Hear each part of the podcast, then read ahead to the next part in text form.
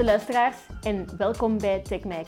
In deze show keer ik de start-up wereld binnenstebuiten door ondernemers te interviewen, telkens over één specifiek onderwerp. Je kan deze show ook bekijken op mijn YouTube-kanaal. Enjoy! Vandaag heb ik Tom Pennix van OnSofic bij mij zitten. Hallo Tom, welkom. Fijn hier te zijn. Dankjewel. Um, jij komt rechtstreeks van San Francisco overgevlogen. Ja, letterlijk um, van de luchthaven. Ja, fantastisch. Bedankt voor je dedication. Kan je de pitch van eens doen? Zeker. Uh, is eigenlijk een bedrijf dat technologie ontwikkeld heeft om snel kennis en vaardigheden in grote organisaties te distribueren naar de medewerkers. Uh, we kunnen dat uniek doen omdat wij een technologiebedrijf zijn. Een technologiebedrijf dat enerzijds data van de performantie van de medewerkers neemt en dat combineert met de data van hoe dat ze op, uh, op training en educatie uh, te werk gaan in een bedrijf.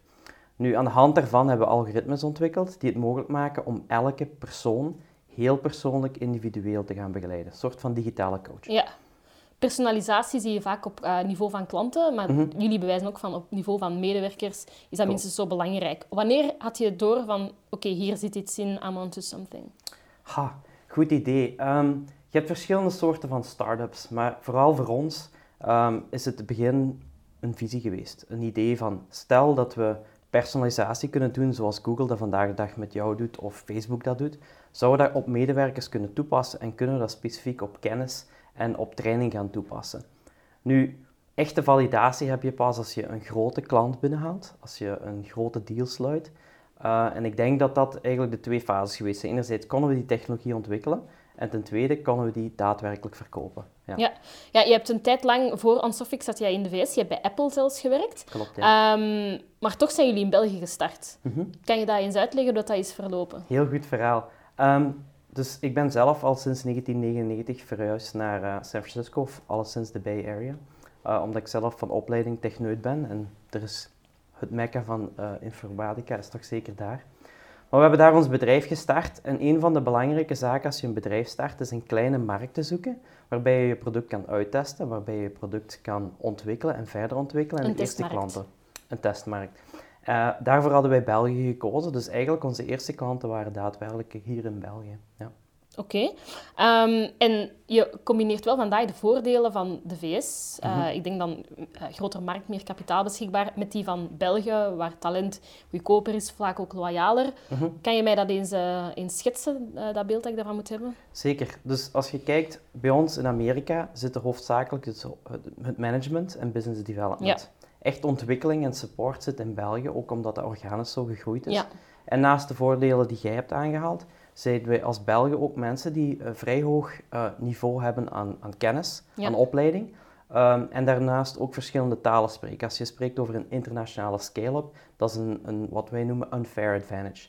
Daarboven, we hebben Silicon Valley, als we met schaalproblemen zitten, als wij zitten met uitbreidingen, kan ik nog altijd um, relyen op mijn mensen die ik van, van mijn vorige, vorig leven als programmeur ken bij Google en jou en zo verder.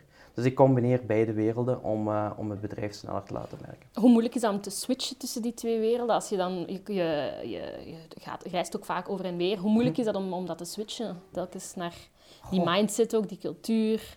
Um, ik denk, Um, Silicon Valley is een heel bruisende omgeving, een heel, uh, hoe moet dat zeggen, een, een, een, beetje een virtuele wereld. Belgen staan nog iets meer met de voeten op de grond. Ja. Um, buiten het fysieke challenges, dus heel veel reizen, heel veel uh, op- en afvliegen en tijdzones en alles wat erbij komt, uh, denk ik dat dat een goede combinatie en switchen valt mij eigenlijk ja. niet, niet echt moeilijk. Nee. Waar, uh, of hoe moeilijk was het om product market fit te vinden? Je hebt het dan eerst mm -hmm. in België gedaan en dan in de, in de VS. Mm -hmm. um, hoe is dat verlopen? Wat zijn jouw ervaringen? Goh, product market fit, um, dat is een heel moeilijk woord. Um, waarom? Omdat product market fit is de balans tussen een visie die je hebt en een product dat je ontwikkelt. En anderzijds je eerste klanten die je product gaan proberen bij te schaven, ja. maar toch die visie proberen te behouden. Ik weet niet of dat wij daadwerkelijk kunnen zeggen er is een product market fit today voor ons product, want we zijn nog altijd aanpassingen aan het doen. Uh, en we leren ook nog altijd bij met onze nieuwe uh, customers. Maar daarnaast um, moet je ook kijken, product market fit, als je spreekt van sales, kunnen we dat snel gaan repeaten, kunnen wij heel veel verkoop doen als een SaaS-platform, daar is nog behoorlijk wat werk. Dus daar zie ik ook een, een deel als een product market fit. Ja, ja want ehm, je zegt van product market fit, we zijn daar nog eigenlijk volop mee bezig, maar je hebt mhm. toch wel heel wat betalende klanten. Dat klopt. Ehm, hoe ben je dan toch in geslaagd om een schaalbaar product te, te ontwikkelen waar klanten niet alleen feedback over geven van ah, dit lijkt me leuk of tof, maar waar ze ook effectief voor willen betalen? Um, wel, eerst en vooral, alles wat wij shippen, er is no, no such thing als, als gratis. Er is altijd een, een, uh, een bepaalde kost die eraan vasthangt. Uh, enerzijds om ons uh, onze tijd goed te besteden, maar ook de klant goed te besteden. Daarnaast zijn wij, hebben wij bewust gekozen voor in de enterprise market te gaan werken.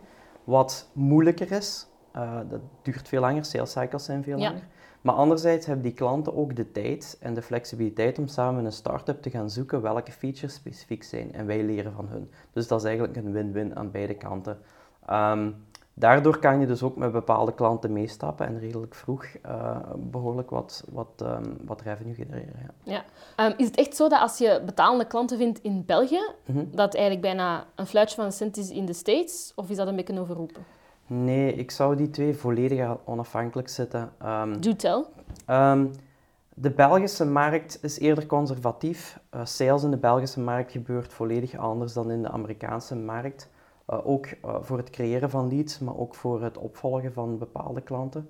en om eerlijk te zijn, we hebben nu meer tractie in Azië dan we daadwerkelijk, dan, daadwerkelijk in de US hebben. Ja. Um, market fit kan veranderen. Ja. Dus tussen twee continenten.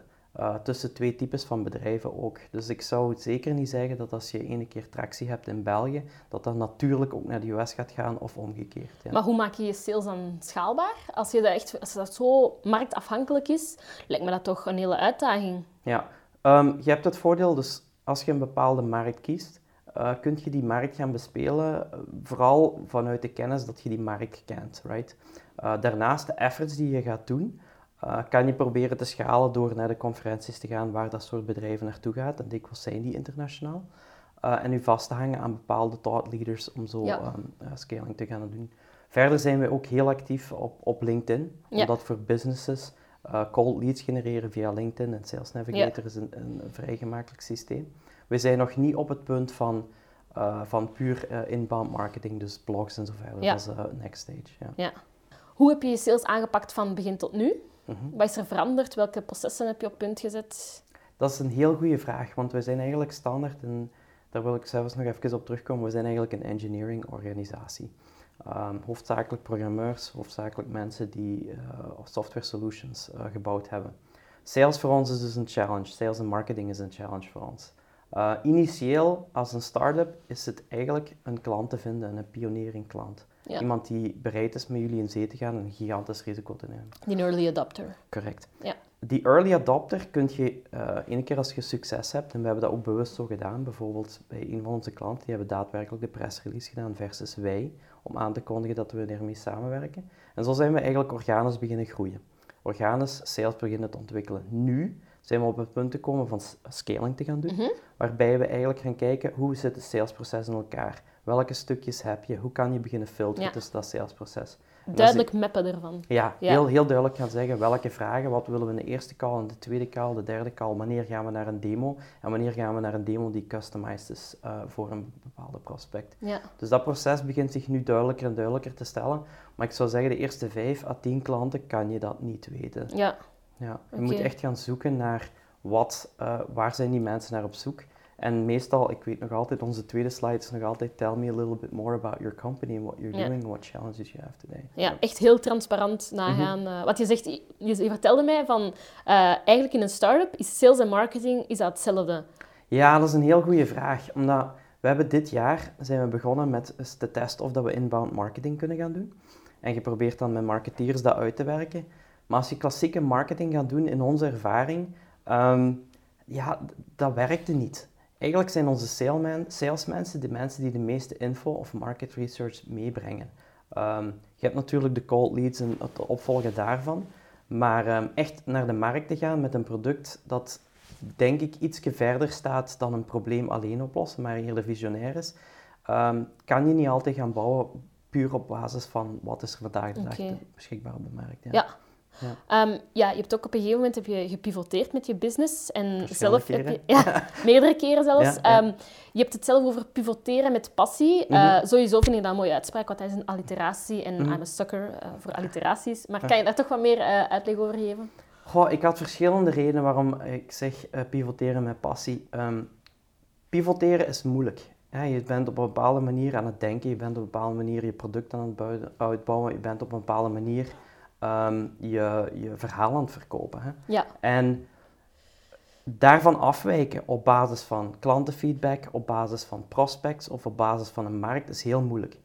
Als je dan de passie niet hebt om daadwerkelijk die move te maken, is dat heel verschrikkelijk moeilijk. Je moet altijd weten waarom je mee bezig bent. En ook als je kijkt naar, naar ehm, de medewerkers die moeten shiften, uh, productfeatures die volledig uh, niet meer gebruikt gaan worden, als er dan niet voldoende passie zit achter je verhaal, dan, uh, dan vergeet het maar, dat gaat absoluut niet lukken. Dus er is enerzijds de passie van het ondernemen, er is de passie van het probleem willen op te lossen. Ja. En er is de passie achter de visie die je hebt. Ja, en dat maakt dan, een soort dan voor een passie voor pivoteren. Correct. Terwijl anderzijds, door te pivoteren, verlies je als start-up wel heel veel tijd. En soms is dat mhm. dodelijk voor start-ups. Klopt. Hoe ben jij er dan mee omgegaan? Goh, um, ik denk dat er geen gouden regel bestaat voor pivoteren. Uh, omdat het een grijze zone is tussen te snel pivoteren ja. en niet genoeg pivoteren.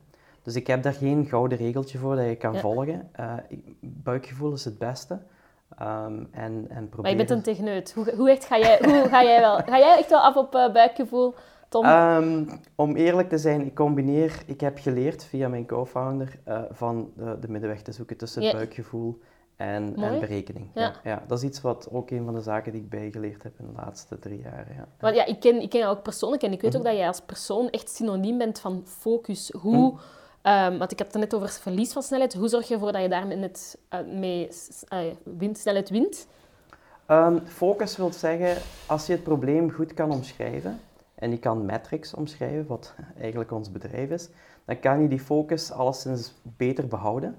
Ehm, en als techneut is het gemakkelijker om misschien harde beslissingen te nemen dan, dan als je pure buikgevoel gaat. Ja. En hoe waak je over die focus als het gaat over je product? Want je hebt dan daarnet gehad over meermaals pivoteren. Mhm. Ehm, hoe moeilijk is het om trouw te blijven aan je visie als er bijvoorbeeld een, een betaalde, very important client mhm. vraagt om een aantal features toe te voegen? Waar, hoe bewaak je die grens tussen visie en uh, die klant verder willen helpen? Um, goeie vraag. Dus enerzijds visie, meestal visie is vrij globaal. Als wij zeggen accelerating the human potential, die visie, daar kan heel veel, dat hangt niet noodzakelijk aan een product vast. Um, welke features ontwikkeld worden en welke weer niet, is puur een, berekening. Van hoeveel mensen zou hier voorbeeld, kunnen wij naar huidige prospects gaan, kunnen wij gaan naar, uh, naar bepaalde klanten en die features voorstellen, om ook om een gevoel te krijgen, is dat iets nuttig dat enkel alleen uh, voor één bepaalde klant is of voor, uh, voor verschillende klanten. Um, en dat is, dat is iets wat je, wat je moet leren, ja. ja.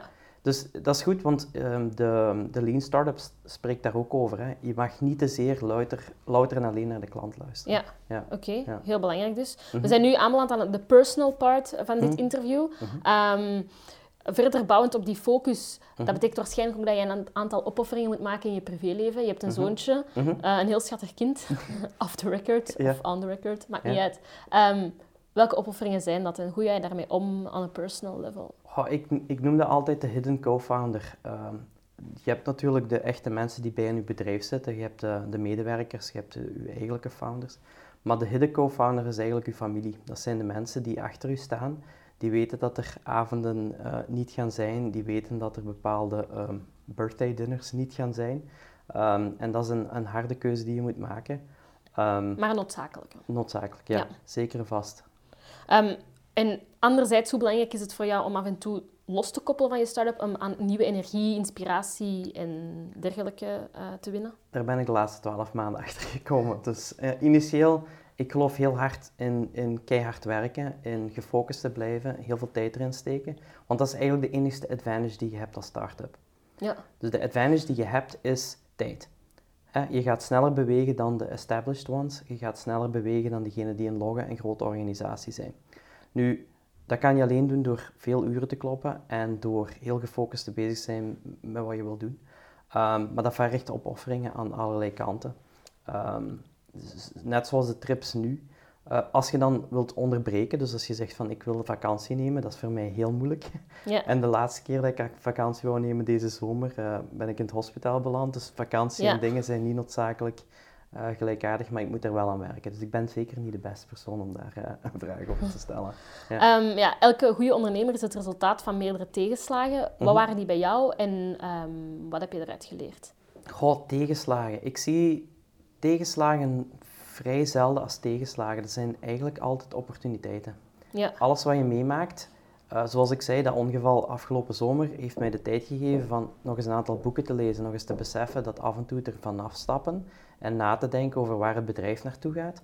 Dus ik, ik, ik kan me niet echt tegenslagen uh, herinneren, ook niet. Dat ik, maar jij die ziet als opportuniteit. Correct, ja. ja, De mindset van een goede ondernemer, right? Ik veronderstel dat, ja. ja, En als je kijkt naar de weg die je nu hebt afgelegd, uh, welke parameters waren voor jou het belangrijkst voor succes? Hard werk, mhm. uh, geluk, privileges mm of creativiteit? Ja, en flexibiliteit. Dus je noemt er een heel deel op. Ik zou hard werken, maar dat had ik al aangehaald. Ik zou zeggen creativiteit en flexibiliteit. Ja. Want dat is iets en je bent keihard aan iets aan het werken en dan te zeggen van ah, we gaan dat moeten bijschaven of we gaan moeten pivoteren, is die flexibiliteit die je moet ontwikkelen. Wendbaarheid, ja, ontzettend belangrijk. Mm en als je jouw jongeren zelf nu advies mocht geven met wat je nu weet, mhm. wat zou je dan zeggen? Goh, um, ik zou specifiek hebben over ehm, nog sneller proberen te leren. en zeker uh, nog meer mensen rond je te hebben om, uh, om feedback te, te ervaren. Dus vandaag de dag zou ik zeggen, ik heb heel veel geleerd en, en single co-founder, want ja, ik heb een co-founder, maar die is meer in de mentorship rol, is, uh, is een moeilijk pad. Ja. Een, een, gecombineerd team uh, is zeker aan te raden. Ja. Oké, mhm. fantastisch. Uh, interessant gesprek. En daarmee mag ik weer al een nieuwe aflevering van TechMac afronden. Uh, indien je nog niet gedaan hebt, abonneer je dan zeker nu voor meer toekomstige interviews met ondernemers als de een van de eerste te zien. Bedankt Tom om hierbij te zijn vandaag. Heel hartelijk dank. Ja.